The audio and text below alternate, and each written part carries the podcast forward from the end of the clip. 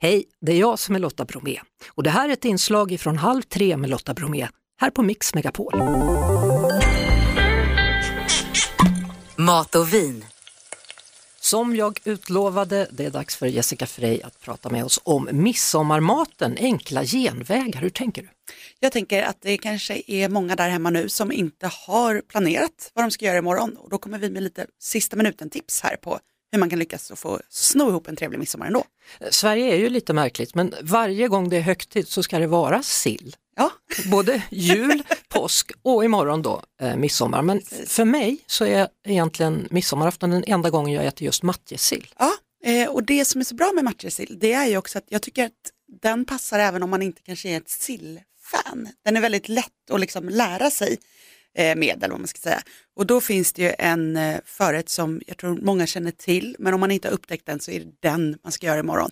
Och det är att man tar matjessillen och serverar den då med brynt smör, eh, gärna ägg, kokt ägg, eh, färskpotatis då som också är perfekt kokt, dill, gott, kanske lite gräslök, en klick gräddfil och där har du liksom, underbaraste lilla rätt Ja, man kan tänka sig. jag, jag vet att, att eh, en, en vän till mig införde det liksom i våran midsommartradition för några år sedan och det, är- det är ljuvligt gott, man har inte tänkt på det. Nej. Funkar det? Bränt smör och sill? Ja, Ja. det gör det. Och eh, brynt smör då. Så jag bränt? Ja, men det var bra att du sa det, för nu tänkte jag berätta hur man bryner smör. För det är också något som vi slänger oss med ganska ofta, vi kockar. Eh, och alla vet inte riktigt vad det är. Eh, skirat smör kanske man också har hört talas om.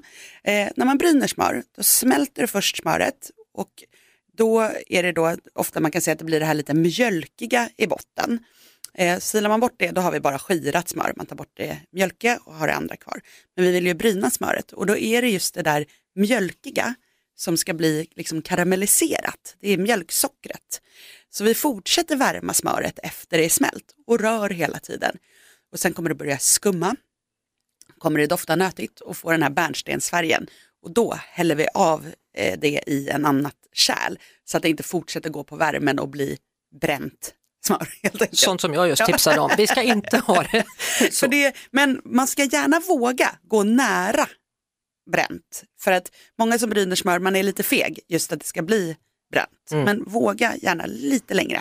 Och, och det här är sånt som man kan förbereda innan gästerna kommer eh, och hålla Absolut. varmt i vad? Ja, till exempel då ska man ut på en picknick, häll upp det i en termos. Eller om du vill bara preppa och ha det stående, så ha smöret i en termos så det håller sig flytande. För så fort, eh, men ja, är det varmt och skönt då imorgon, då håller sig smöret även i rumstemperatur ganska länge. Så kan man bara värma på det snabbt då innan gästerna kommer. Men en termos är ju kanon, speciellt om man ska på picknick.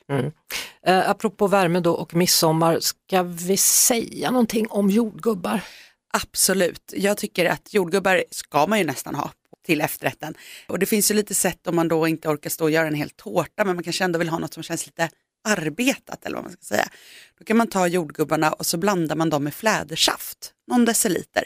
Låter det ligga och marinera över dagen och så serverar vi det här med till exempel crème fraîche som vi vispar upp. Så får det lite syrlighet, smaksätter med lite vaniljsocker bara. De två ihop. Och så kanske man tänker så här, ska vi inte ha något brödigt, någon kaka eller något? Jo, öppna skaffrilådan, se vad som finns. Det kanske finns någon kaka där som du kan smula över eller någon liten skorpa. Jättegott. Har du inte det, också helt vanligt så här bröd, rostbröd. Va? Bryt över, eller knäckebröd för den delen. Va? Va? Nej, men man vill ha krispet egentligen. Man kanske inte vill ha mer sötma för jordgubbarna är söta, saften är söt eh, och så har vi vaniljsockret i den här crème fraîchen. Men bara att smula över lite knäckebröd kan ge liksom ett härligt crunch bara och kanske blir något som gästerna kommer prata lite om.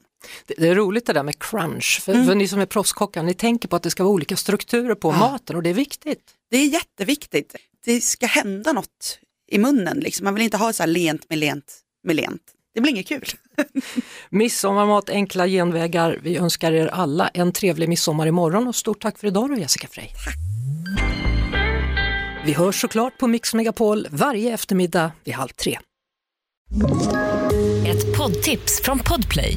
I fallen jag aldrig glömmer djupdyker Hasse Aro i arbetet bakom några av Sveriges mest uppseendeväckande brottsutredningar.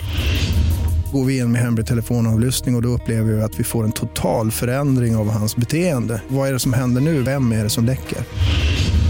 Och så säger han att jag är kriminell, jag har varit kriminell i hela mitt liv men att mörda ett barn, där går min gräns. Nya säsongen av Fallen jag aldrig glömmer på Podplay.